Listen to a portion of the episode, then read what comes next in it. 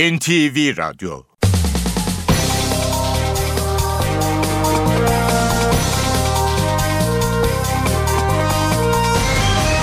İşe Giderken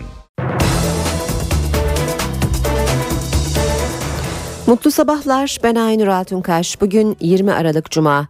Saat 9'a kadar Türkiye ve dünya gündemine yakından bakacağız. Ayrıntılara geçmeden önce başlıklarla başlayalım. Yolsuzluk ve rüşvet operasyonu kapsamında mahkemeye sevk edilen 8 kişi tutuklandı, 2 zanlı serbest bırakıldı. İstanbul Emniyet Müdürü Hüseyin Çapkın görevden alındı, yerine Selami Altınok atandı. CHP lideri Kemal Kılıçdaroğlu, Amerika Birleşik Devletleri'nin büyükelçisi Richard Done ile yemekte bir araya geldi. Görüşmede yolsuzluk ve rüşvet operasyonu da konuşuldu. 28 Şubat davasından tüm sanıklar için tahliye kararı çıktı. Ege Üniversitesi'nde karşıt görüşlü öğrenciler arasındaki kavgaya polis müdahale etti. Mersin Üniversitesi'nde de öğrenciler rektörlük binasında eylem yaptı. Türk Hava Yolları ile Hava İş Sendikası anlaştı. Grev bitti, 305 personel işlerine geri dönecek. İngiltere'nin başkenti Londra'da bir tiyatronun çatısı çöktü. Olay sırasında 700'den fazla kişinin bulunduğu tiyatroda 7'si ağır, 76 kişi yaralandı. Altın fiyatları son 6 ayın en düşük seviyesine ulaştı. Yatırımcılar altına yöneldi. İşe Giderken gazetelerin gündemi.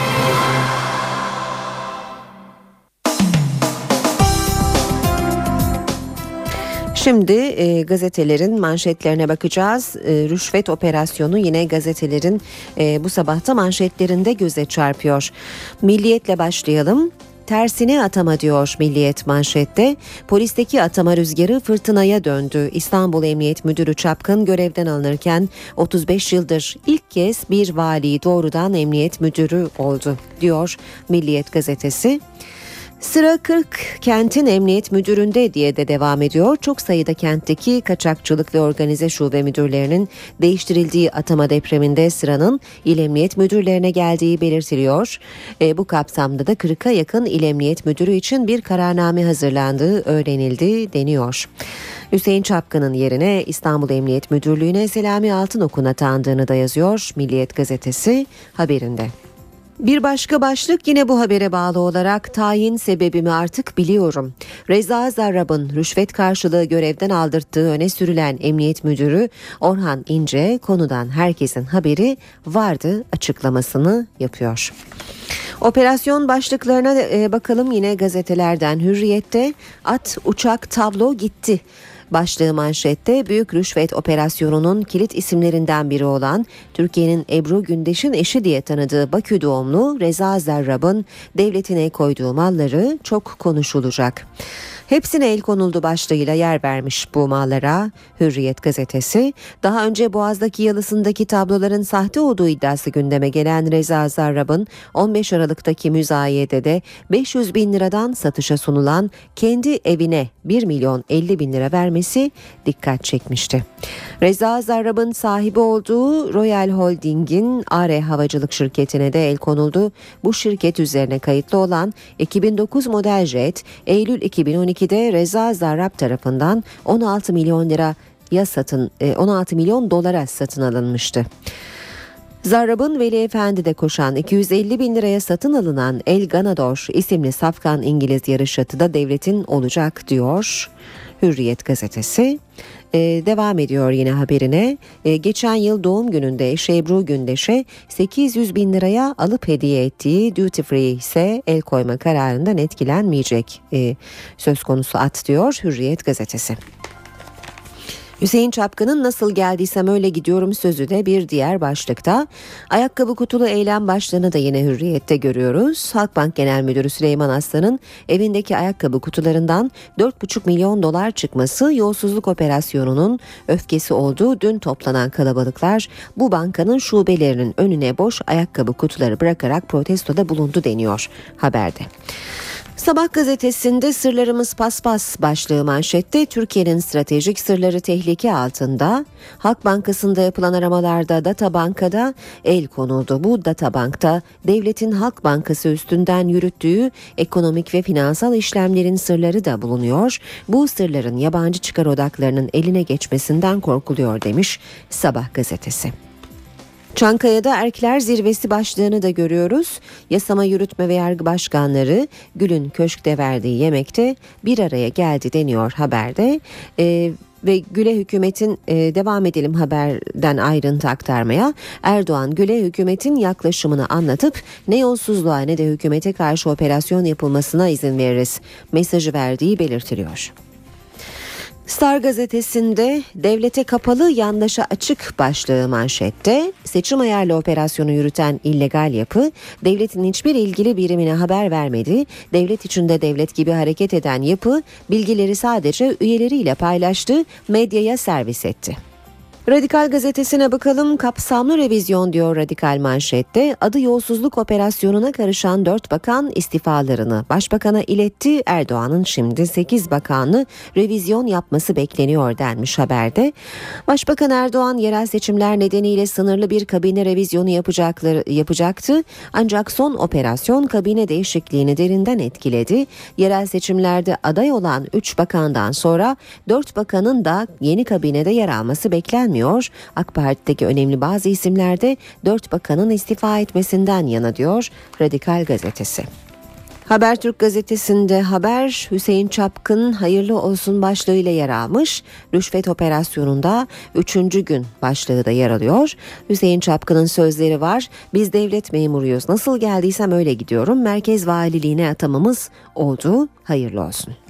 Yeni Şafak gazetesi Adliyeye telekulak diyor manşette yolsuzluk soruşturması adı altında hükümete karşı psikolojik harp operasyonu başlatan yapılanmanın İstanbul Adliyesi'ni de yasa dışı dinlediği ileri sürüldü. 14 ay süren soruşturmanın sızmaması ve adliyeye baskı kurmak için dinlenen hakim ve savcılar tedirgin bazı hakimlerin görüşmelerinde telefonlarını kapattığı öğrenildi denmiş haberin devamında.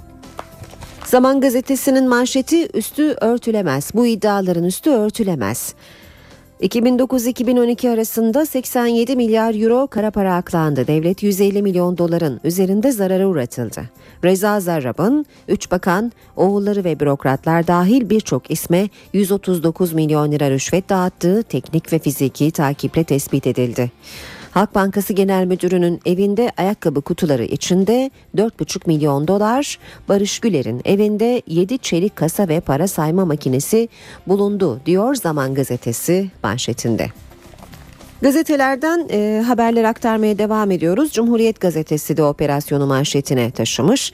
Bakanların da adının karıştığı yolsuzluk soruşturması dosyasındaki iddialara göre milyonlarca milyonlarla ifade edilen paranın yanı sıra piyano, saat, mücevher gibi hediyeler de rüşvet çarkının parçası olmuş. Soruşturmanın suç işlemek amacıyla örgüt kurmak, altın kaçakçılığı ve fuhşa aracılıktan yürütüldüğü öğrenildi. Şüphelilerden 14'ü serbest bırakıldı. 8 kişiye tutuklama istendi. Yeni gelişmeyi de biz aktaralım. Söz konusu 8 kişi tutuklandı. Şimdi diğer haberlere de bakalım e, gazetelerin birinci sayfalarından. Habertürk gazetesi sürmanşette 28 Şubat'ta herkese tahliye ediyor. 103 sanıklı davada tutuklu kalmadı. Sadece Çetin Doğan Balyoz'dan hükümlü. Davanın çevik bir dahil son 5 sanığına da tahliye çıktı. Balyoz hükümlüsü Çetin Doğan cezaevinde kalacak. Habertürk'ün manşeti Mecliste çifti acı. İkizleri hamile sekreter ansızın hayatını kaybetti. Bebeklerden biri kurtuldu. Meclis yasa boğdu. CHP milletvekili İhsan Özkes'in 7,5 aylık hamile sekreteri 42 yaşındaki Mihriban Bor önceki gün mesai bitimi rahatsızlandı. Hastane yolunda can verdi. Karnındaki ikizlerden biri sezaryenle kurtarıldı. Diğer bebekse ölü doğdu diyor Habertürk haberinde. Devam ediyoruz gazetelerin birinci sayfalarından haberler aktarmaya. Star gazetesine bakacağız. Star'da da 28 Şubat 110 günde bitti başlığını görüyoruz. İlk duruşması 2 Eylül'de yapılan 103 sanıklı 28 Şubat davasında tutuklu kimsenin kalmadığı ifade ediliyor. Haberin ayrıntılarında bir başka başlık Putin Obama'yı kıskanıyorum demiş. Rusya lideri Putin firari casus Snowden'ın ifşaatıyla zor durumda kalan Amerika Başkanı Obama ile dalga geçti deniyor haberde. Hürriyet gazetesinin birinci sayfasına e, bakacağız şimdi de. Mansur Yavaş resmen CHP'li. CHP lideri Kemal Kılıçdaroğlu dün parti genel merkezinde Mansur Yavaş'la görüştü. Yerel seçimlerle ilgili görüş alışverişinde bulundu. Çıkışta da uzun süredir konuşulan Ankara Büyükşehir aday adaylığı açıklandı deniyor haberin devamında. Ve Milliyet gazetesiyle bu bölümü bitireceğiz. Kıdem fonu rafa kalktı. Son üçlü danışma toplantısında hükümet ve sendikalar yine anlaşma sağlayamadı. Kıdem fonu tartışması bir kenara bırakıldı. Taşeronlar konuşuldu deniyor haberin ayrıntılarında. Saat 7.17 NTV Radyo'da işe giderken de gündeme şimdi yakından bakalım. Yolsuzluk ve rüşvet operasyonu kapsamında mahkemeye sevk edilen 8 kişi tutuklandı. 2 kişi ise serbest bırakıldı. Emniyette ifadesi alınan şüphelilerden 10'u adliyeye sevk edilmişti. İki zanlı savcılık sorgusunun ardından serbest bırakıldı. Diğer zanlılar tutuklama talebiyle mahkemeye sevk edildi ve tutuklandı. Tutuklananlar arasında Fatih Belediyesi çalışanları da var. Kültür ve Tabiat Varlığı Varlıklarını Koruma Kanunu'na muhalefet etmek, rüşvet, dolandırıcılık ve evrakta sahtecilik şüphelilere yöneltilen suçlamalar arasında. Gözaltına alınan diğer 29 kişinin emniyetteki sorgusuysa devam ediyor. İstanbul'daki gelişmeler başkenti hareketlendirdi. Hem Çankaya Köşkü'nde hem de Başbakanlıkta zirveler vardı. Kabinede revizyon olabileceği konuşuluyordu ama olmadı. İstanbul'da başlayan yolsuzluk operasyonu Ankara'da siyasetin trafiğini de hızlandırdı. Saat 13'te Cumhurbaşkanı Abdullah Gül, yasama, yürütme ve yargının başkanlarıyla bir araya geldi. Yemek rutin, gelenekseldi. Ama olağanüstü gündem o yemeğinde konusu oldu. 1 saat 15 dakikanın ardından yemeğe katılanlar köşkten ayrıldı. Bir tek isim hariç. Başbakan Recep Tayyip Erdoğan. Başbakan saat 14.15'te bu kez Cumhurbaşkanı Abdullah Gül'le haftalık olağan görüşmeye girdi. Operasyon başladığından beri iki isim ilk kez yüz yüze görüştü. Operasyonu ve gelişmeleri ele aldılar. Ankara kulislerinde kabine revizyonu beklentisi vardı.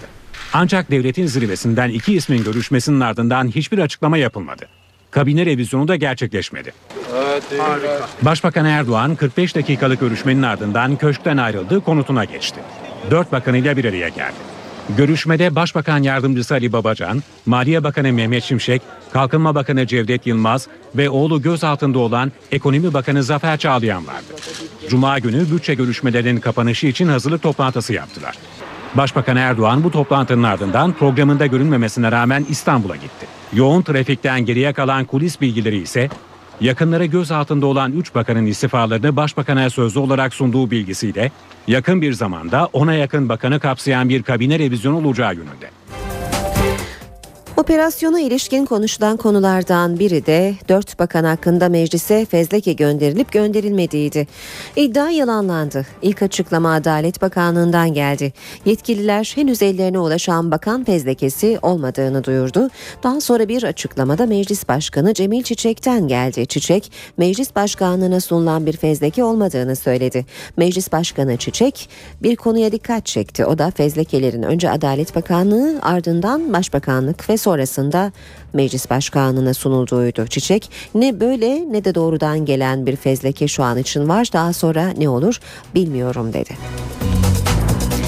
AK Parti Genel Başkan Yardımcısı Hüseyin Çelik de dört bakanın istifa dilekçesi verdiğini ve Başbakan Erdoğan'ın da istifaları kabul ettiği iddialarını yalanladı. Habertürk televizyonuna konuşan Çelik, bakanlar istifa etti, istifaları da kabul edildiği iddiaları külliyen yalan. Başbakan zaten bir kabine revizyonu yapacaktı. Sayın bakanlar, Sayın Başbakan'ın elini rahatlatmak için ne yapılması gerekiyorsa yapacaklarını zaten söylemişlerdir ama biz bakan Toto oynayamayız dedi. Türkiye'de ilk kez emniyet Emniyet Müdürü ve valinin haberi olmadan operasyon yapılmasına şahit olduklarını anlatan Çelik, böylesine büyük çapta ekonomik boyutu olan bir operasyon yapılıyor ve ülkenin başbakanı, ülkenin İçişleri Bakanı bunu televizyondan öğreniyor. Operasyonun yanlış tarafı haberdar olması gereken kişilerin başbakanın haberdar edilmemesi diye konuştu. AK Parti'nin büyük bir camia olduğunu kaydeden Hüseyin Çelik bu büyük camia içinde yanlış yapan insanlar olabilir. Cemaat de çok büyük bir kitledir. Cemaat içinde de birileri yanlış yapabilir. Topyekün cemaati ve hoca efendiyi suçlamak yanlış dedi. Başbakan Erdoğan'ın oğluna haksızlık yapıldığını da anlatan Çelik bir gemicik meselesi var. Başbakanın oğlu da, bakanların oğlu da, milletvekillerinin oğlu da serbest ticaret ortamında iş yapabilir ama terbiyesizce sürekli bu konu gündeme getiriliyor diye konuştu. Soruşturmayı başlatan Zekeriya Öz'ü medyadan tanıdığını da ifade eden Çelik, soruşturmanın başlaması için 14 ay beklenmesini ise eleştirdi.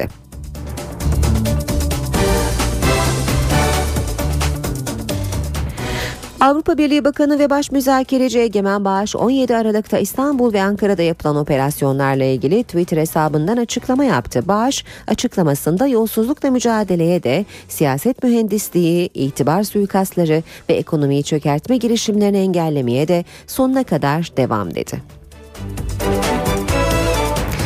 Rüşvet ve yolsuzluk operasyonunun ardından İstanbul Emniyet Müdürü Hüseyin Çapkın görevinden alındı. Yerine Aksaray Valisi Selami Altınok atandı. Altınok gece geç saatlere kadar Emniyet Müdürlüğü'nde kaldı. İnşallah Allah utandırmaz. Başarılı olmaya çalışacağız. İstanbul halkının huzurunu, güvenliği, mutluluğunu sağlamaya gayret edeceğiz. Aksaray valisiyken İstanbul Emniyet Müdürlüğü'ne atanan Selami Altınok görevine başladı. Gece geç saatlere kadar kaldığı emniyet binasından ayrılırken ilk açıklaması böyle oldu. Altınok, yolsuzluk ve rüşvet operasyonu ile ilgili sorulara ise şu anda açıklama yapmam uygun değil şeklinde cevap verdi. O konuda herhangi bir açıklama yapmak şu anda çok uygun değil diye düşünüyorum. Görevden alınan İstanbul Emniyet Müdürü Hüseyin Çapkın'ın yerine atanan Selami Altınok, Ankara'dan İstanbul'a Başbakan Recep Tayyip Erdoğan'la birlikte Başbakan'ın uçağıyla geldi. İlk olarak da İstanbul Valisi Hüseyin Avri Mutlu ile birlikte İstanbul Emniyet Müdürlüğü'ne geçti. Değerli valimiz geldikten sonra elbette ki İstanbul'da çok yoğun bir mesaisi olacak ve İstanbul'un güvenliği, asayişiyle ilgili gelir gelmez de ayaklarının tozuyla bütün kurumlarından çok yoğun bir şekilde briefing alıyor. Görevden alınan ve Merkez Valiliğine atanan eski İstanbul Emniyet Müdürü Hüseyin Çapkın ise personelle vedalaşarak emniyetten ayrıldı. Binadan çıktığı sırada yanına gelen bir kadın Çapkın'ı alnından öperek uğurladı. Rüşvet soruşturmasına yönelik hem iktidar hem de muhalefetten yeni değerlendirmeler var. Başbakan Yardımcısı Bekir Bozdağ soruşturmanın gizliliğinin ihlal edildiği gerekçesiyle suç duyurusunda bulundu. CHP'li Gökhan Günaydın ise soruşturmanın sonuna kadar götürülmesini istedi. Başbakan Yardımcısı Bekir Bozdağ, yolsuzluk ve rüşvet operasyonunda soruşturmanın gizliliğinin ihlal edildiği gerekçesiyle suç duyurusunda bulundu. Soruşturmanın gizliliği ihlal edildi. Soruşturmada gizlilik kararını ihlal eden savcı ise savcı, katipse katip, kolluk kuvveti ise kolluk kuvveti hakkında suç duyurusunda bulunuyorum. Biz büyük bir aileyiz. Bu aile içinde birilerinin eksikliği olduğu zaman bugüne kadar bunu hiç örtmedik. Örtülmesine de izin vermedik. Enerji Bakanı Taner Yıldız da, İçişleri Bakanı Muammer Güler, Ekonomi Bakanı Zafer Çağlayan ve Çevre ve Şehircilik Bakanı Erdoğan Bayraktar'ın oğullarının da adının geçtiği soruşturmayı değerlendirdi. AK Parti hükümetlerimiz doğru yaptığı kadar şu ana kadar güçlenen ve güçlendikçe daha çok doğru yapma kabiliyet ve kapasitesine ulaşan bir iktidardır. O yüzden bu konuda da yanlış yapmaz. Herkes müşteri olsun, rahat olsun ve biz doğruyu her zaman olduğu gibi tercih ederiz. Operasyon muhalefetin de yakın takibinde. CHP Genel Başkan Yardımcısı Gökhan Günaydın, soruşturmanın sonuna kadar götürülmesi gerektiğine vurgu yaptı. Bu tablonun siyasi sorumluluğu yanında elbette cezai sorumluluğu da vardır. Türkiye eğer bir demokratik devlet ise soruşturmanın sağlıkla sonuçlandırılabilmesi için gerekli tüm olanakların sağlanmasında büyük yarar görülmektedir. AK Parti Genel Başkan Yardımcısı Süleyman Soylu'nun bir yakını da soruşturmada gözaltına alınmıştı. Soylu kim olursa olsun en ufak bir şey varsa bunun üzerine gidilmelidir dedi ama paralel devlet yapılanmasına da izin verilmemesi gerektiğini vurguladı.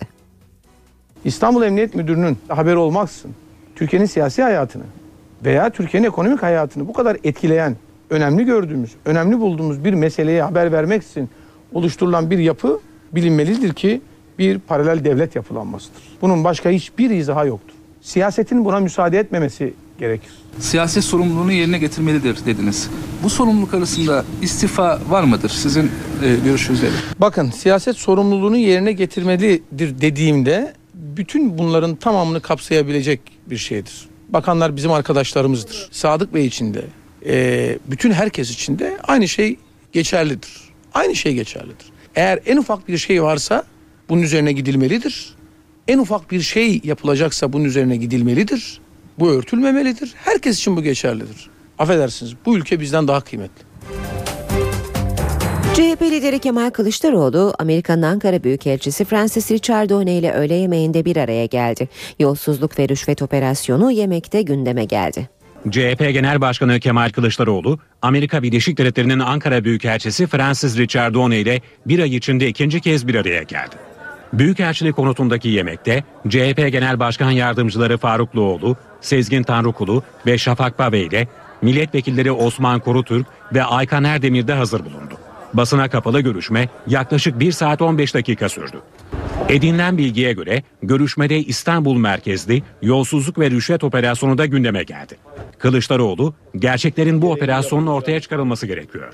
Bu yüzden işin sonuna kadar gidilmeli diye konuştu. Kuralların ihlal edildiğini Richard One ise konuyla ilgili olarak gelişmeleri izliyoruz. Şeffaflık ve dürüstlük tüm demokrasilerde önemlidir dedi. CHP heyetinin Amerika Birleşik Devletleri'ne yaptığı ziyarete de değinen Büyükelçi Richard One, ziyaretin Amerika Birleşik Devletleri yönetimi tarafından çok olumlu karşılandığını ifade etti. CHP Genel Başkanı Kılıçdaroğlu da memnuniyetini dile getirdi. Genel Başkan Yardımcısı Faruk Luoğlu da yaptığı açıklamada görüşmenin daha önceden planlandığını vurgulayarak bugüne gelmesi tamamen tesadüf dedi. CHP lideri Kemal Kılıçdaroğlu, Başbakan Erdoğan'ın yolsuzluk ve rüşvet operasyonunu eleştirirken sarf ettiği devlet içindeki çete sözlerine tepki gösterdi. Kılıçdaroğlu, Başbakan çete görmek istiyorsa Bakanlar Kurulu'ndaki arkadaşlarına baksın dedi. Kılıçdaroğlu, merkezi Londra'da bulunan ve Arapça yayımlanan El Hayat gazetesinin sorularını yanıtladı. CHP lideri, yargı ve emniyetin yolsuzlukları ortaya çıkarmak istediğini ancak iktidarın yolsuzlukların üzerini kapatmaya çalıştığını belirtti. Kılıçdaroğlu, üç bakanın çocuğu çocuğunun gözaltına alınması 3 bakanın o gün görevi bırakmasını gerektirirdi dedi.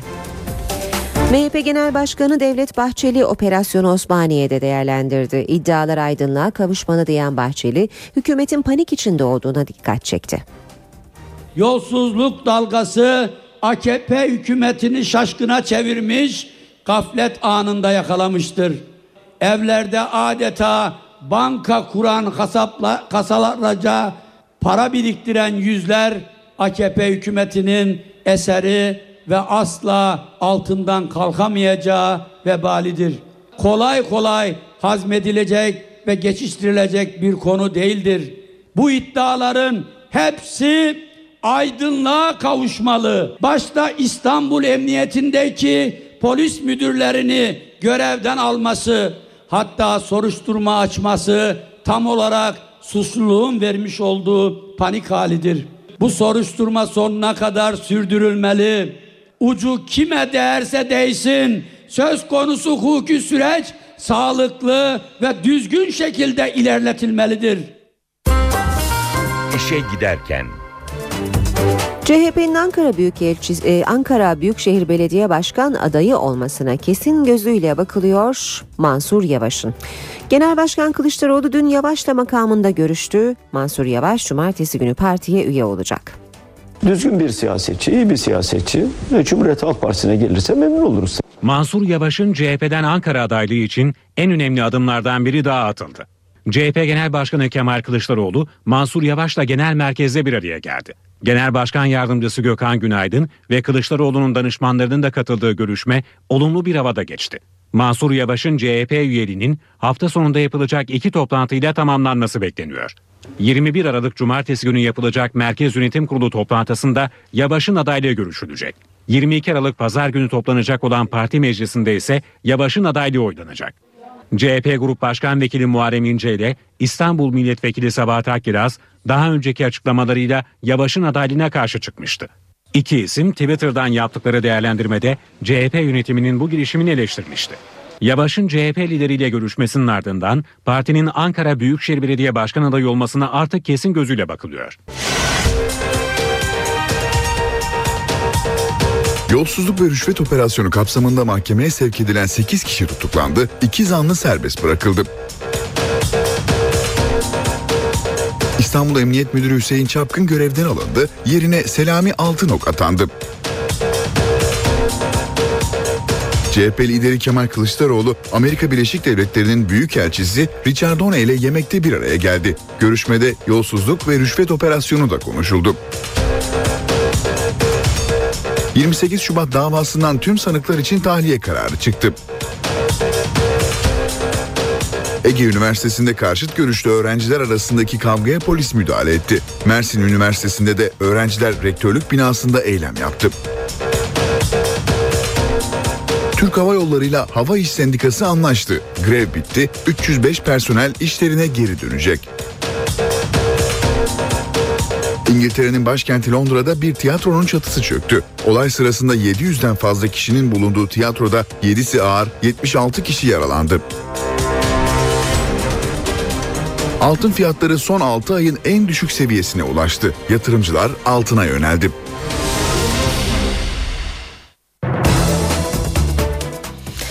Gündemde öne çıkan haberlerin ayrıntılarına bakmaya devam edelim. Dün cezaevlerine yapılan operasyonların 13.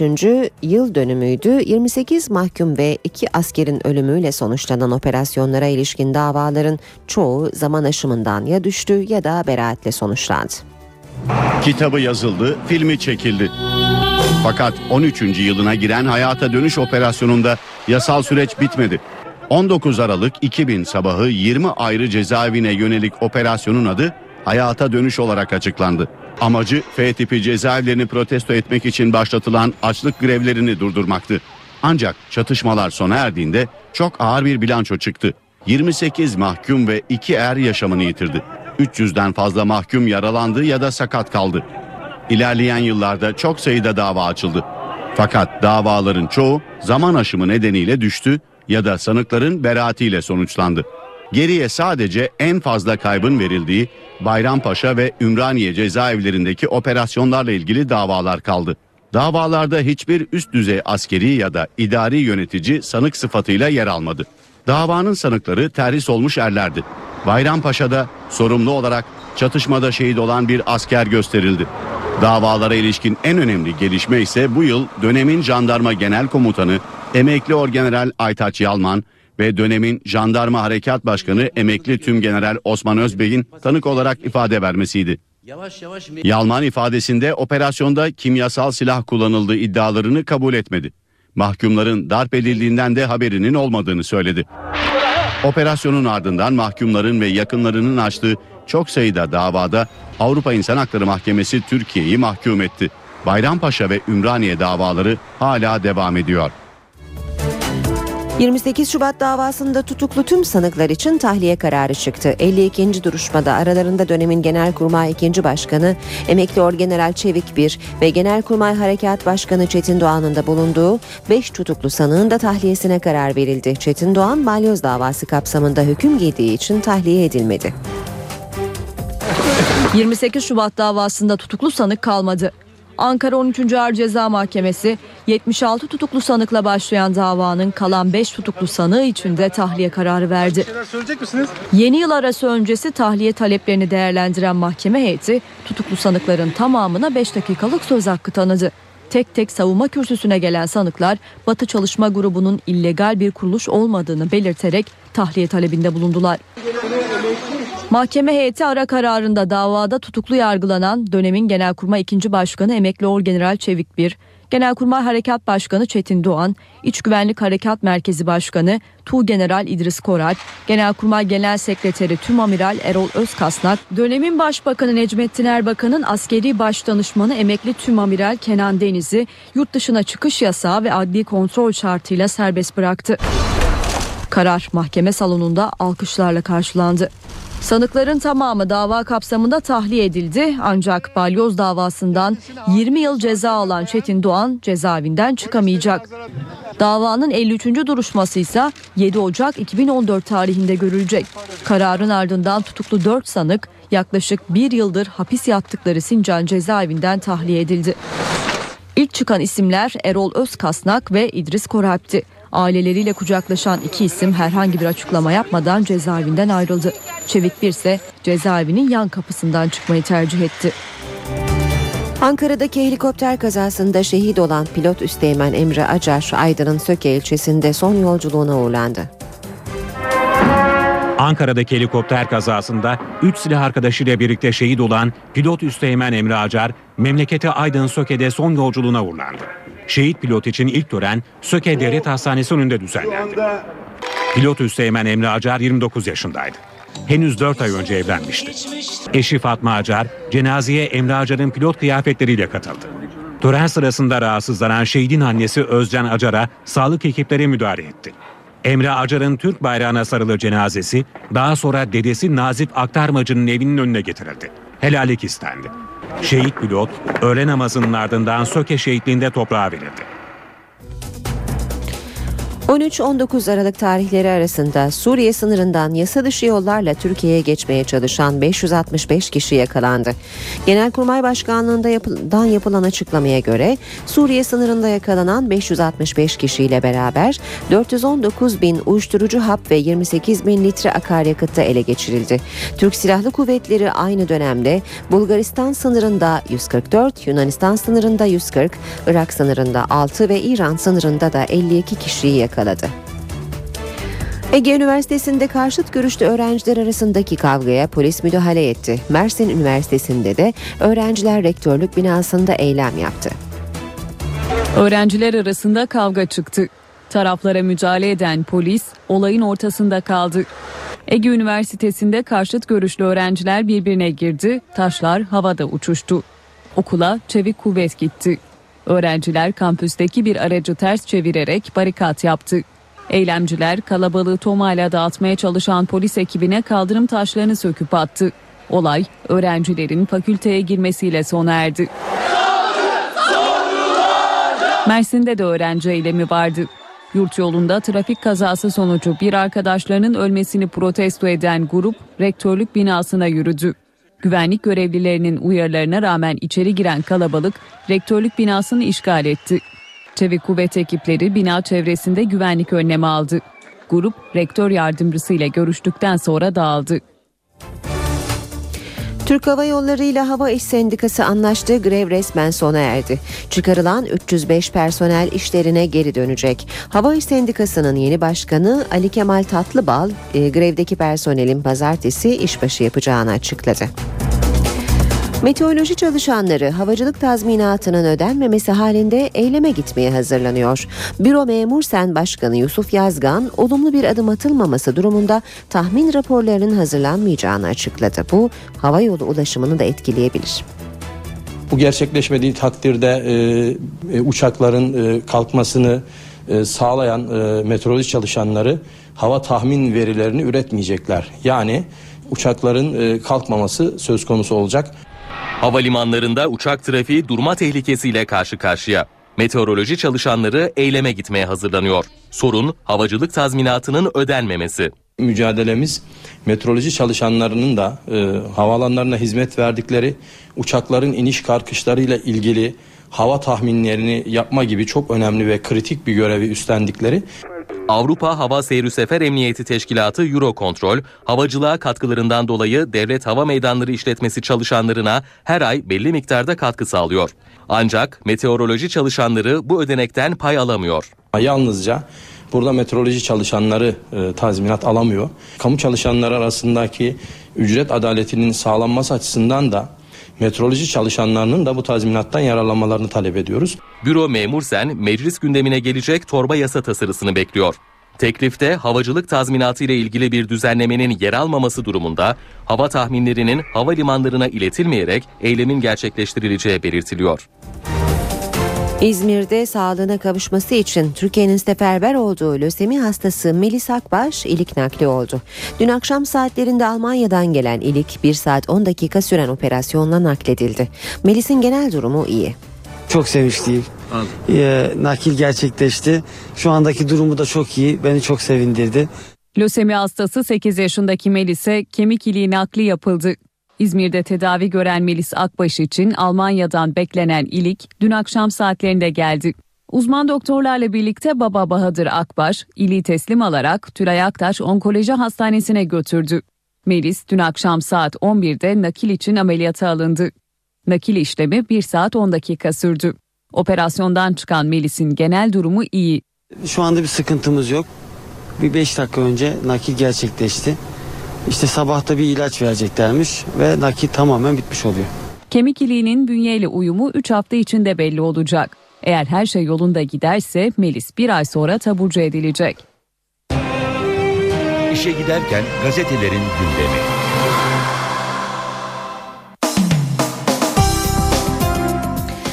Bu saatin sonunda spor haberlerine bakacağız. Gazetelerin spor sayfalarından foto maçla başlayalım.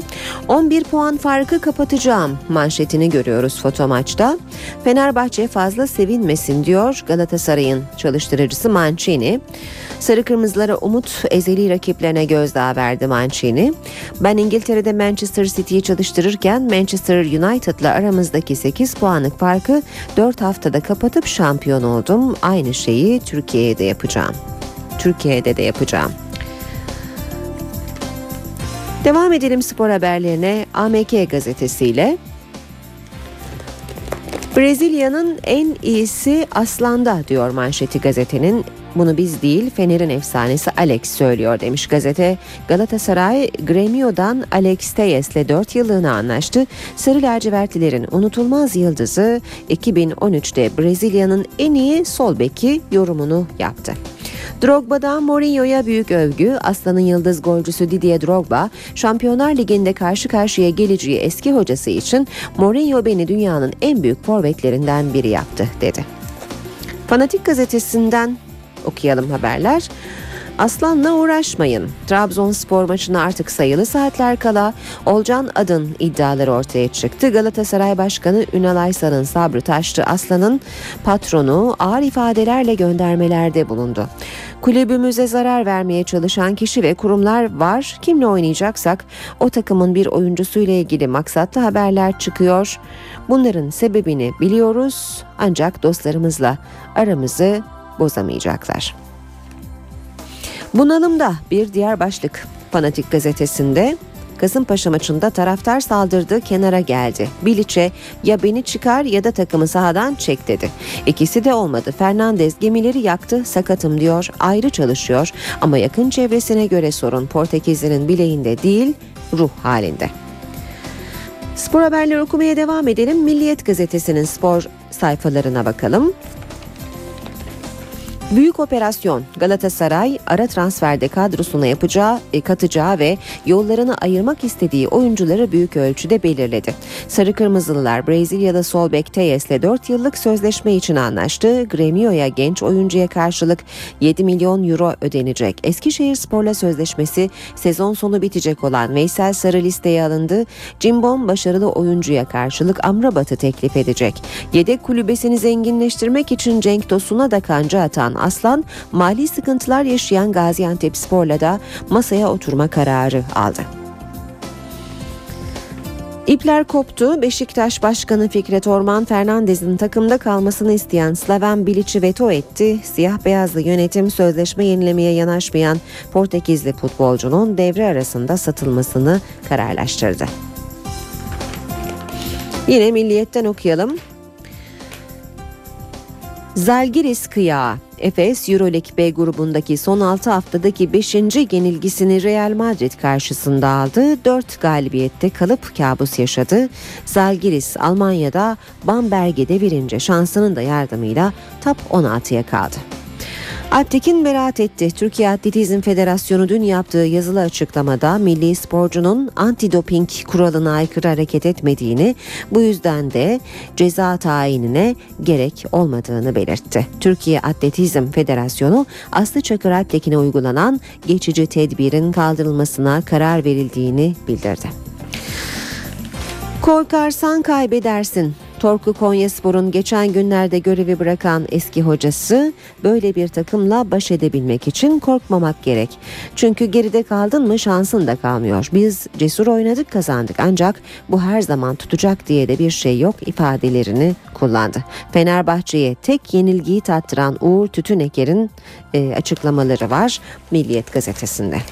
Hürriyet'in de şimdi spor sayfalarını çevirelim. Okuyacağımız e, ilk haberin başlığı Babamla birlikte çalışıyorum zaten. Yanal ekstra izin verdiği Alves'e ama özel olarak çalış dedi ve bu cevabı aldı. Fenerbahçe Teknik Direktörü Portekizli'nin profesyonelliğine hayran oldu. Baba olacağı için ülkesine giden Alves'in iznini, izini iznini hocası uzattı. Oysa inceliğinize teşekkür ediyorum. Şu an babamla birlikte antrenmandayım. Özel idman yapıyorum dedi.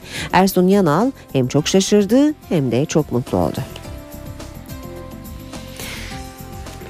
Yanal'la Perşembe sohbeti diyor Hürriyet gazetesi.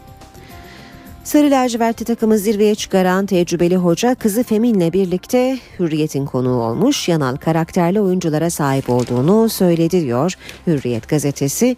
Aslıya ceza yok başlığını da yine Hürriyet'te görüyoruz. NTV Radyo Günaydın herkese yeniden. Ben Aynur Altunkaş. Yeni saate hava durumuyla başlayacağız. Gökhan Abur yanımızda ama önce gündemin başlıklarını hatırlatalım. Yolsuzluk ve rüşvet operasyonu kapsamında mahkemeye sevk edilen 8 kişi tutuklandı, 2 zanlı serbest bırakıldı. İstanbul Emniyet Müdürü Hüseyin Çapkın görevden alındı, yerine Selami Altınok atandı.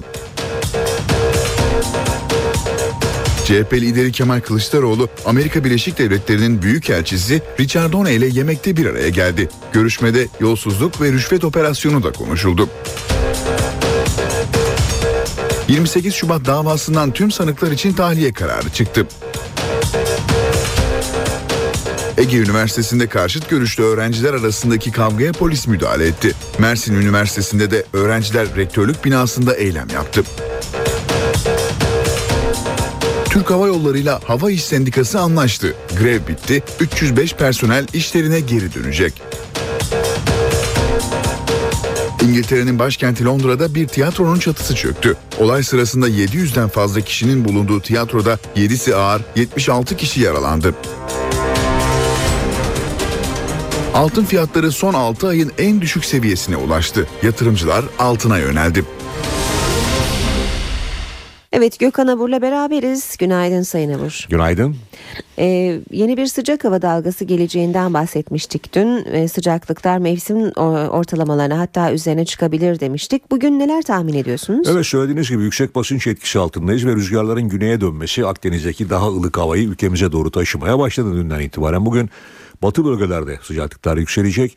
Yarın ise tüm ülkede sıcaklıkların 4-5 derece yükselmesini bekliyoruz. Şu an itibariyle yalnızca e, Antalya Körfezi'ne bir bulutlanma var. Bu da Antalya'nın doğu ilçelerinde Alanya Anamur arasındaki Mersin'e doğru olan bölgede Kısa süreli yağışlar bırakıyor şu an itibariyle önümüzdeki saatlerde bu yağış da etkisini kaybedecek. Hafta sonu ülke genelinde yağış beklemiyoruz. Hava genellikle açık olacak. Tabii havanın açık olması bu sabah olduğu gibi yer yer iç kesimlerde don, buzlanma, sis, pusu etkisini giderek arttıracak. Hafta sonu da ülkenin büyük bir çoğunluğunda sabah erken saatlerde ve gece saatlerinde sisli ve puslu olarak yaşayacağız. Yalnız sis pus değil. Yerde kırağı var. E, köprülerde, viyadüklerde ise buzlanma var. Şu anda İstanbul e, kar yağışından sonraki en soğuk günlerinden birini yaşıyor diyebilirim. Dün bu saatlerde hava sıcaklığı 7 dereceydi. E, Maslak için bu değeri söylüyorum. Oysa şu anda Maslak'ta sıcaklık 2 derecenin altında. Yer yerde İstanbul'daki sıcaklıklar 1 dereceler civarında. Havanın açık olması sebebiyle mi? Evet havanın açık olmasından dolayı gece gündüz sıcaklık farkı oldukça fazla. Ülkemizin şu anda en soğuk yeri Erzurum. Eksi 24 derece hala eksi 24 derece. Güneydoğu çok soğuk bir dönem yaşadı ve yaşamaya devam ediyor. Diyarbakır'da şu anda ölçülen sıcaklık eksi 16 derece. Önümüzdeki saatlerde sıcaklığın biraz yükselmesini bekliyoruz ama bugün Diyarbakır'da beklenen yüksek sıcaklık eksi 4 derece civarında olacak. Evet soğuk hava etkisini doğuda sürdürüyor ama yavaş yavaş pazardan itibaren orada da sıcaklıklar özellikle gündüz sıcaklıkları yükselecek. Bu da yüksek kesimlerde geçtiğimiz günlerde çok yoğun yağan karın erimesine sebep olacak. Yani yer üst seviyelerde karın erimesi bu sefer bölgede çığ riskini arttıracak. Hafta sonu önümüzdeki haftanın ilk günlerinde doğu bölgelerimizde bulunanlar dikkatli olmalı. Evet e, hafta sonunu daha rahat geçireceğiz demiştim. Rüzgarlar oldukça zayıf, e, yağış yok. Ta ki önümüzdeki hafta sonuna kadar ülke genelinde yağış beklemiyoruz ve sıcaklıklar da söylediğiniz gibi mevsim ortalamaları civarında olacak. Evet. Nedir mevsim ortalamaları derseniz Kaçtır? İstanbul'un 11'dir. Hı hı. Yani maksimum sıcaklıkları e, bu hafta sonunda ve hafta boyunca 11-12 civarında olacak. Bu da mevsim ortalamaları. Evet. Gökhan Abur teşekkürler. Ben teşekkür ediyorum. İşe giderken gazetelerin gündemi.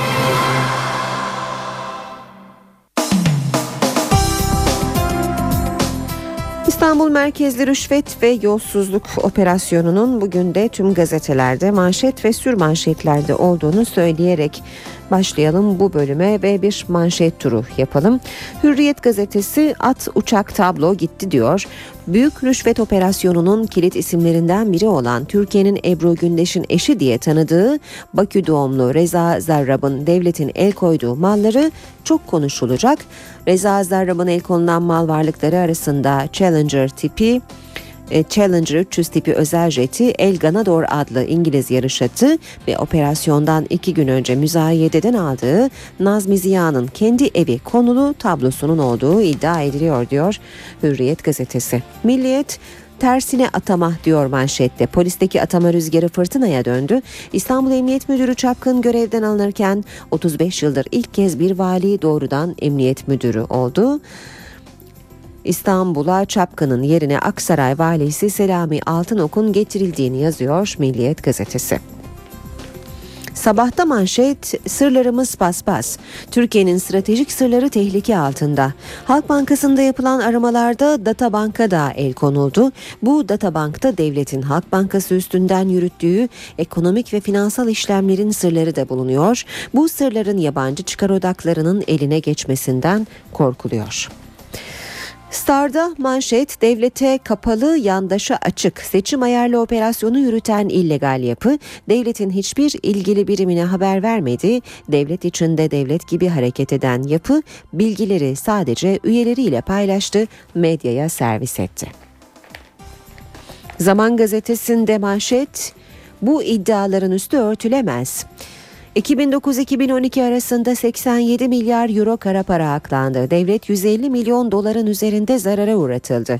Üç bakan oğulları ve bürokratlar dahil birçok isme 139 milyon lira rüşvet dağıtıldığı teknik ve fiziki takiple tespit edildi. Halk Bankası Genel Müdürü'nün evinde ayakkabı kutuları içinde 4,5 milyon dolar Barış Güler'in evinde 7 çelik kasa ve para sayma makinesi bulundu diyor Zaman Gazetesi. Radikal'de manşetse kapsamlı revizyon adı yolsuzluk operasyonuna karışan dört bakanın istifalarını başbakana ilettiğini yazıyor. Radikal Erdoğan'ın şimdi 8 bakanlı revizyon yapması bekleniyor. Başbakan Erdoğan yerel seçimler nedeniyle sınırlı bir kabine revizyonu yapacaktı. Ancak son operasyon kabine değişikliğini derinden etkiledi. Yerel seçimlerde aday olan 3 bakandan sonra 4 bakanın da yeni kabinede yer alması beklenmiyor. AK Parti'deki önemli bazı isimlerde dört bakanın istifa etmesinden yana diyor Radikal gazetesi. Başsavcıdan tartışmalı talimat başlığını da görüyoruz. Başsavcı Çolak Kadı soruşturmayı yürüten savcılara gönderdiği yazıda mukteza tayininde ve ihtilaf halinde 3 savcıdan ikisinin imzasıyla işlem yapılacaktır dedi. Hukukçulara göre bu soruşturmaya doğrudan müdahale.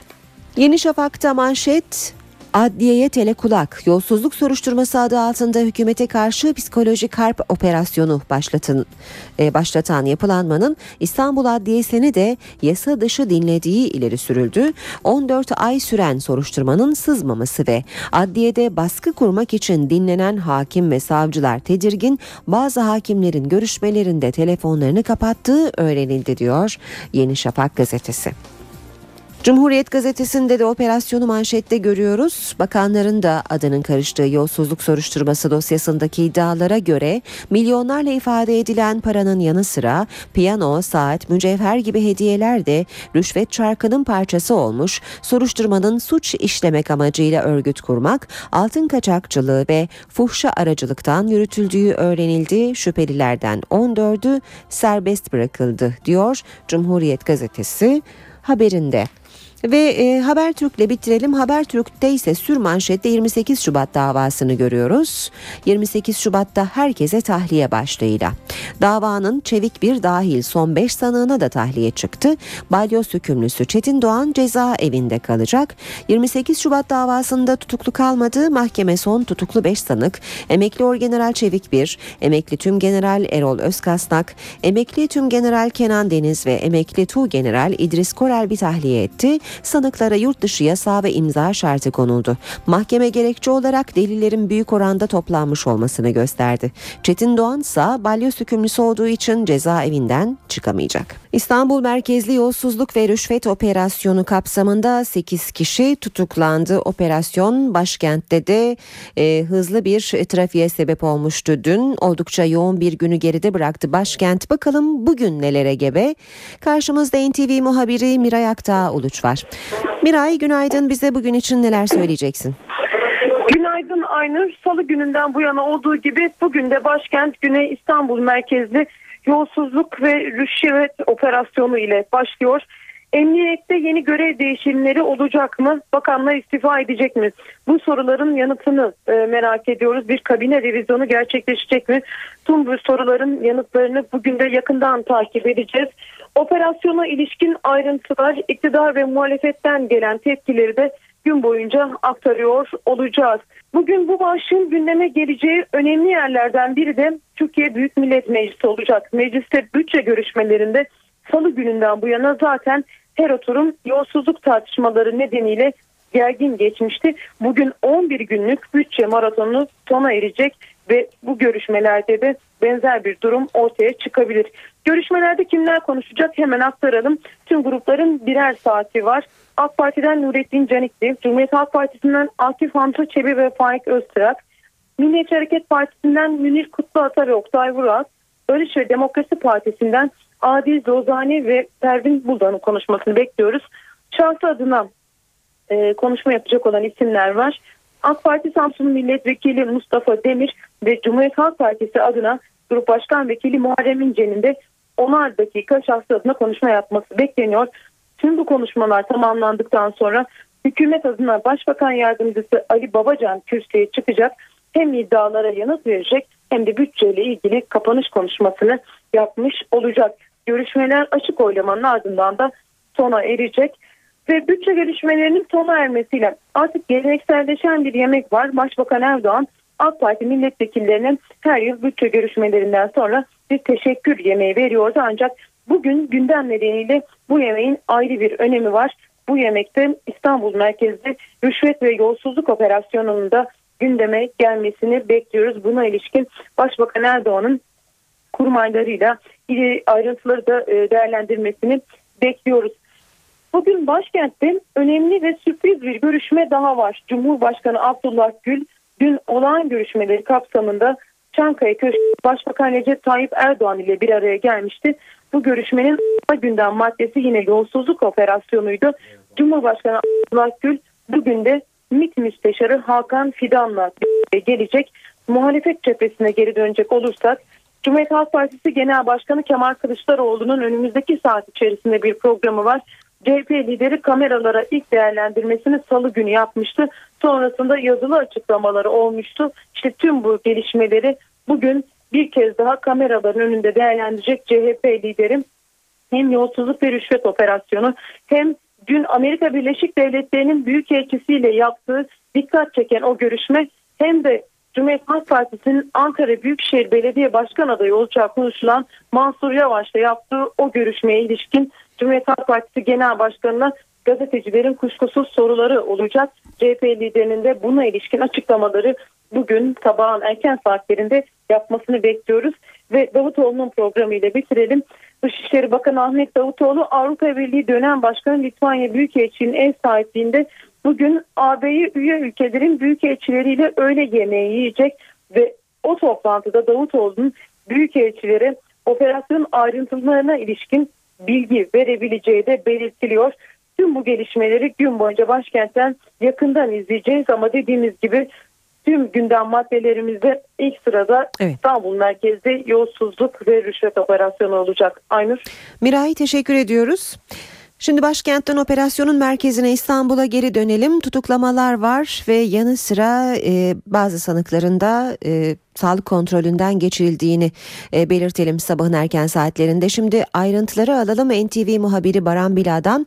Baran seni dinliyoruz. Sabah karşı ilk etapta saat 6-6.30 sıralarında Vatan Emniyet Müdürlüğü'nde organize şubenin önüne 3 tane çevik kuvvet otobüsü yanaştı ve yaklaşık 20 şüpheli araçlara bindirilerek sağlık kontrolüne götürüldü. Buradaki işlemlerin ardından da adliyeye sevk edilmek üzere yola çıktılar. Bundan da yaklaşık bir saat sonra bir ikinci grup diyebiliriz e, yine önce sağlık kontrolüne çıkmak için araçlara bindirildiler ve buradan Vatan Emniyet Müdürlüğü'nden ayrıldılar. Tabii sağlık kontrolleri şu sıralarda devam ediyor. Adliye sevkler var ancak şunu da hemen hatırlatalım. Bütün şüphelerin e, kesin şu an en azından şu saat şu dakika itibariyle adliye kesin olarak sevk edildiğini hepsi için söylemek için yine de biraz erken. Çünkü dün de hemen hatırlıyorum. Periyodik olarak e, 24 saatlik gözaltı süresini dolduran şüpheliler sağlık kontrolünün ardından eğer emniyetteki işlemlerin ardından buna karar verilmişse serbest bırakılabiliyorlardı. Dolayısıyla yine şu saatlerde yeni serbest bırakılan kişiler olabilir. Öte yandan ancak e, ifadeler artık emniyetteki ifadeler tamamlandığı için ve şüphelerin gözaltı e, süresi dolduğu için adliye yeni sevklerde bekleniyor. Önümüzdeki saatlerde e, adliyeye şüphelerin gelmesi bekleniyor ve onlardan da ifadesi, savcılık sorgusu tamamlananlar ya mahkemeye sevk edilecekler veya buradan serbest bırakılacaklar. Şunu da hemen hatırlatalım. E, Gece de sıcak gelişmeler vardı. 8 kişi tutuklandı. Nöbetçi mahkemeye sevk edilen 7'sinin Fatih Belediyesi'nde çalıştığı belirtiliyordu ve hakkındaki e, iddiada rüşvet almak, dolandırıcılık ve EDAK'ta sahtecilikte 7 kişi rüşvet almak ve rüşvet vermek e, suçlamaları ile ilgili kuvvetli suç şüphesi oluştuğu nedeniyle tutuklandılar. Bir diğer kişi de başka bir suçlamadan dolayı tutuklandı ve şu ana kadar soruşturma kapsamında 15 kişi serbest bırakıldı. Bu rakamları da bir kez daha sizinle paylaştıktan sonra sözü size bırakalım. Baran teşekkür ediyoruz. Operasyondan son bilgileri Baran Bila'dan aldık.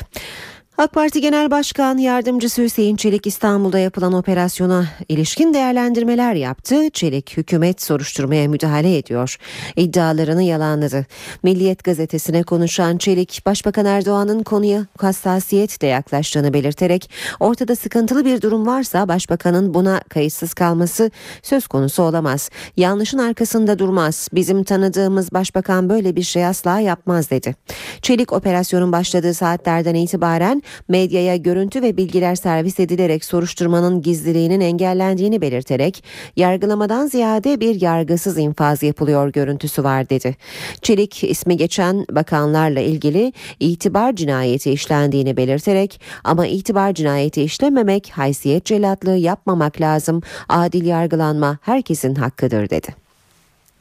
Rüşvet ve yolsuzluk operasyonunun ardından İstanbul Emniyet Müdürü Hüseyin Çapkın görevinden alındı. Yerine Aksaray Valisi Selami Altınok atandı. Altınok gece geç saatlere kadar Emniyet Müdürlüğü'nde kaldı. İnşallah Allah utandırmaz. Başarılı olmaya çalışacağız. İstanbul halkının huzurunu, güvenliği, mutluluğunu sağlamaya gayret edeceğiz. Aksaray valisiyken İstanbul Emniyet Müdürlüğü'ne atanan Selami Altınok görevine başladı. Gece geç saatlere kadar kaldığı emniyet binasından ayrılırken ilk açıklaması böyle oldu. Altınok, yolsuzluk ve rüşvet operasyonu ile ilgili sorulara ise şu anda açıklama yapmam uygun değil şeklinde cevap verdi.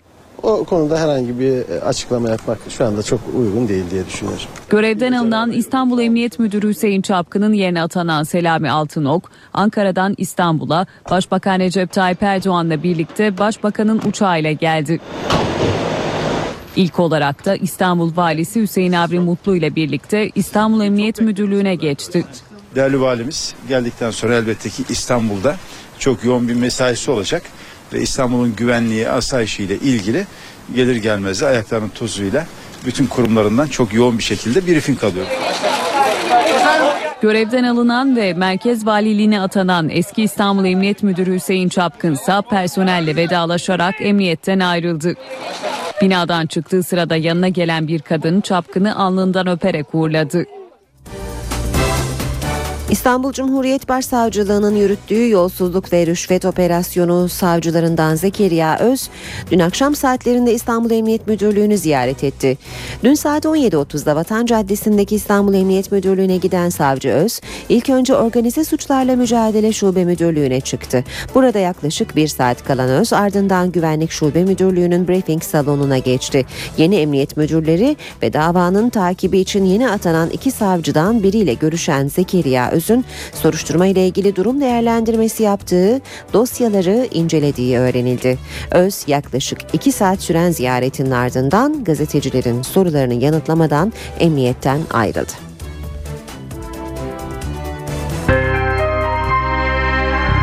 İşe giderken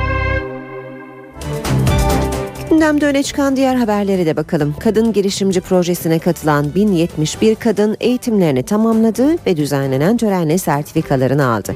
Törene katılan Başbakan Erdoğan'ın eşi Emine Erdoğan, kadınlara kendi işinizi kurun çağrısı yaptı. Hanım kardeşlerimiz işte burada örneklerine şahit olduğumuz becerilerini, üretkenliklerini, gayretlerini Ankara'ya ve tüm Türkiye'ye gösterecekler. 1071 kadın kendi işinin patronu olmak için ilk adımı attı. 9 ay boyunca girişimcilik eğitimi alan kadınlar programı başarıyla tamamlandı. Bu projeye katılan hanım kardeşlerimize kendi işlerini kurarak aile ekonomisine katkı sağlayabilecekleri bir kapı araladık. Kendi iş yerlerini açmak için KOSGEB'e başvurarak destek isteme imkanına da sahip bulunuyorlar. Girişimcilik destek programı eğitimi alan kadınlar COSGAP'ten 30 bin liraya kadar hibe desteği almaya kazandı. Ayrıca sermaye desteğinin geri kalan 70 bin liralık kredi bölümüne de sıfır faiz ve 2 yılı ödemesiz olarak sahip olma hakkını elde etti. Başarılı kadın girişimcilere bir motivasyon mesajı da Bilim, Sanayi ve Teknoloji Bakanı Nihat Ergün'den geldi. Sadece sertifika almayı hedeflemeyin. Çünkü sertifika sadece bir araç. En kısa sürede iş planınızı hazırlayıp COSGAP'in kapısını bir kere daha çalın.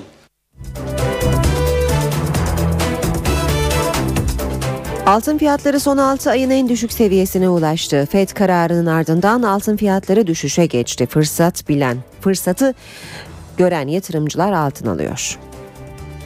Amerika Merkez Bankası varlık alımlarında 10 milyar dolar kesinti açıkladı. Altın fiyatları düşüşe geçti parasal sıkılaştırmanın biraz daha geniş vadede olacağı belli. Bu süreçte altın aşağı yönlü dalgalı seyrini bundan önce olduğu gibi devam ettirecek diye düşünüyorum. Altın son 6 ayın en düşük seviyesinde. İster düğün için ister yatırım için altın almanın tam vakti. Çeyrek altın 136 lira. Şu an bence altın almanın tam zamanı. Şu an hep düşüşte. Aslında bizim için iyi. İyi gidiyor yani düştü.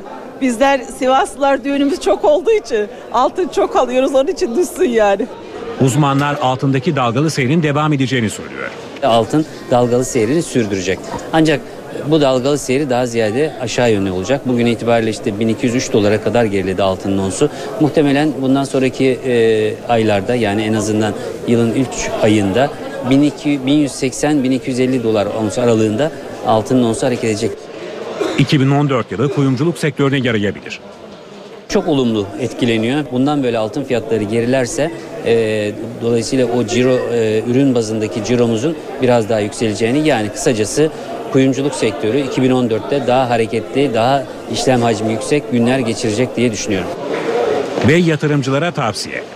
Altına yatırım yapacak olanlar için e, uzun vade o yapmak isteyenler için biraz daha beklemelerini öneriyorum. En azından 2014 senesinin ortalarına doğru böyle Temmuz Ağustos aylarına doğru tahmin ediyorum 1000 dolara kadar altın onsu gerileyebilir. Örneğin 80 78 79 liradan aldığı altını 82 lirayı gördüğünde daha da yükselecekmiş diye böyle bir hevese kapılmadan satmasını öneriyoruz. Altın ve piyasa uzmanı Mehmet Ali Yıldırım Türk'ün açıklamalarıydı.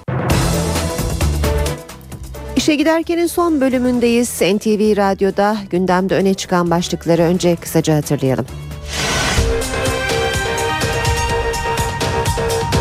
Yolsuzluk ve rüşvet operasyonu kapsamında mahkemeye sevk edilen 8 kişi tutuklandı, 2 zanlı serbest bırakıldı.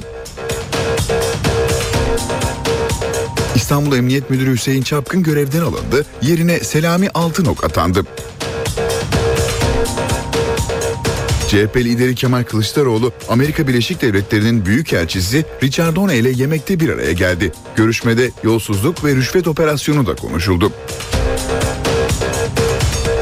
28 Şubat davasından tüm sanıklar için tahliye kararı çıktı. Ege Üniversitesi'nde karşıt görüşlü öğrenciler arasındaki kavgaya polis müdahale etti. Mersin Üniversitesi'nde de öğrenciler rektörlük binasında eylem yaptı. Türk Hava Yolları ile Hava İş Sendikası anlaştı. Grev bitti, 305 personel işlerine geri dönecek. İngiltere'nin başkenti Londra'da bir tiyatronun çatısı çöktü. Olay sırasında 700'den fazla kişinin bulunduğu tiyatroda 7'si ağır, 76 kişi yaralandı. Altın fiyatları son 6 ayın en düşük seviyesine ulaştı. Yatırımcılar altına yöneldi.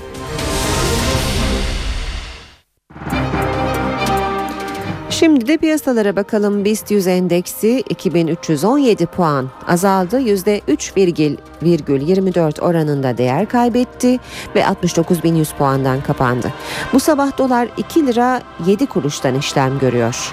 Euro ise 2 lira 83 kuruşta. Euro dolar paritesi 1.36 dolar yen 104 düzeyinde. Altının onsu 1195 dolara geriledi. E, kapalı çarşıda külçe altının gramı 80 ve çeyrek altın 141 liradan işlem görüyor. Brent petrolün varili 110 dolar.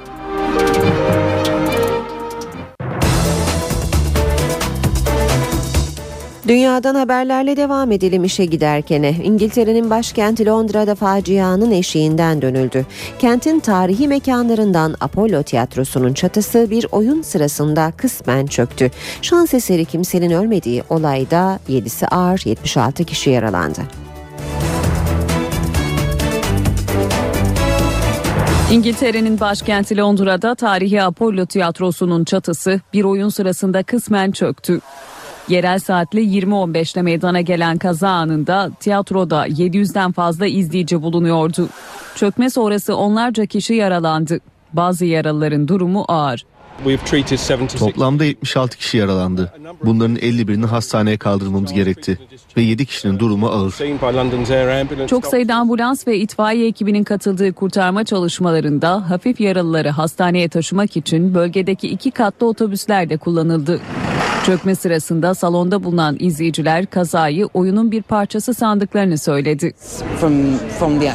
Sahneye birkaç sıra mesafedeydik. Aktör dikkat diye bağırdığı anda bir gürültü duyduk. Bunun oyunun bir parçası olduğunu düşündük.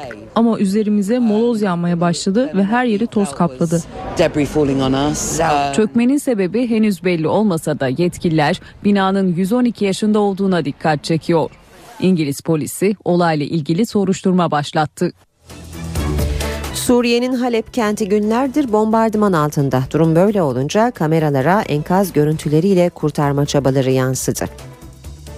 Halep'te bir binanın yıkılması sonucu aracında sıkışan birini kurtarma çabaları. Binanın yıkılmasının nedeni ise Suriye ordusunun hava saldırısı. Halep'te son günlerde hava saldırıları nedeniyle can kayıplarının sayısı artmış durumda. Sınır tanımayan doktorlar örgütüne göre 15 Aralık'tan bu yana hava saldırıları nedeniyle kentte yaklaşık 200 kişi yaşamını yitirdi. 900 kişi de yaralandı. Halep ikiye bölünmüş kent görünümünde. Kentin bir bölümünü muhalifler, bir bölümünü de Şam rejimi kontrol altında tutuyor. Son hava saldırılarının amacının Şam rejiminin gelecek ay İsviçre'de düzenlenmesi planlanan barış konferansı öncesi muhaliflere darbe vurmak olduğu belirtiliyor. Rusya Devlet Başkanı Vladimir Putin, bini aşkın gazetecinin katıldığı bir basın toplantısı düzenledi. Putin, çevre örgütü Greenpeace'i işbirliğine çağırdı. 10 yıldır hapiste tutulan iş adamı Hodorkovski'yi affedeceğini söyledi. Edward Snowden'ı da kıskandığını belirtti. Rusya Devlet Başkanı Vladimir Putin, uluslararası medyanın sorularını yanıtladı. 1300 gazetecinin katıldığı basın toplantısı tam 4 saat sürdü. Vladimir Putin, Rusya'nın Kuzey Buz Denizi'ndeki enerji faaliyetlerini protesto eden çevre örgütü Greenpeace'i işbirliğine çağırdı. Umarım Greenpeace gürültü yapmak yerine çevreye karşı riskleri azaltmak adına olumlu bir şeyler yapmak için harekete geçer. İşbirliğine hazırız. Putin'in gündeminde Rus parlamentosundan geçen genel hafta vardı. Rusya Devlet Başkanı affın Greenpeace üyeleri için çıkarılmadığını ancak onları da kapsayacak olmasından memnun olduğunu söyledi. Vladimir Putin 10 yıldır hapiste tutulan petrol devi Yukos'un eski CEO'su Mihail Hodorkovski'nin de kısa sürede affedileceğini belirtti. Rus lider kilisede söyledikleri şarkı nedeniyle tutuklanan grubun da aftan yararlanacağını ifade etti. Putin'e Rusya'ya sığınan eski CIA çalışanı Edward Snowden da soruldu. Putin, Snowden'ı kıskanıyorum dedi. Snowden'la kişisel olarak tanışmadım. İstihbaratımız onunla hiç çalışmadı, çalışmıyor. Ama bana ilginç geldiğini de saklayamam. Yaptığı şey nedeniyle onu kıskanıyorum. Rusya Devlet Başkanı Ukrayna konusuna da değindi. Yardımlarımızın tek nedeni kardeş ülke olmamız diyen Putin, Ukrayna'nın Avrupa Birliği entegrasyonuna karşı olmadığını belirtti. Japonya'nın başkenti Tokyo'nun valisi istifa etti. İstifanın nedeni özel bir hastaneden 500 bin dolar aldığının ortaya çıkması. Tokyo valisi olarak istifa etmeye karar verdim. Özel bir hastaneden aldığı 500 bin dolar Tokyo valisini koltuğundan etti.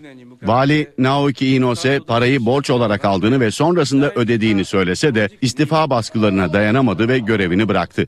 Inose aklanmak için büyük çaba harcadığını ancak şüpheleri gideremediğini belirterek Japon halkından özür diledi. Tekrar yazarlığa döneceğini söyleyen Naoki Inose, İstanbul'un da yarıştığı 2020 Olimpiyat oyunlarının ev sahipliğini Tokyo'nun kazanmasında büyük rol oynamıştı. Japonya Başbakanı Shinzo Abe, valisinin istifasının olimpiyat hazırlıklarına zarar vermeyeceğini söyledi. Dünyanın en büyük metropollerinden biri olan Tokyo'da yeni valiyi belirlemek için Şubat ayında seçim yapılacak. Geçen hafta 5. albümünü sessiz sedasız çıkaran Beyoncé müzik listelerini salladı. Beyoncé 5. kez listelerde bir numaraya yükselen ilk kadın şarkıcı oldu. Beyoncé yeni albümüyle rekor üstüne rekor kırıyor. R&B yıldızı son albümüyle Amerika'daki müzik listelerinde üst üste 5. kez bir numaraya yerleşen ilk kadın şarkıcı oldu. Beyoncé'nin kendi adını taşıyan albüm müzik platformu iTunes'ta da indirilme rekoru kırıyor. Albüm 6 günde 1 milyondan fazla kez indirildi. Beyoncé'nin albüm öncesinde hiçbir tanıtım ve reklam yapmadan bu başarıyı elde ettiğine dikkat çekiliyor. Sessiz sedasız çıkardığı albümde 14 şarkı ve 17 video bulunuyor. Görselliğiyle öne çıkan albümün videoları New York, Houston, Sydney ve Rio de Janeiro'da çekilmiş. Albüm ay sonunda müzik marketlerde de olacak. Bu haberle işe giderken sona erdi. Hoşçakalın. NTV Radyo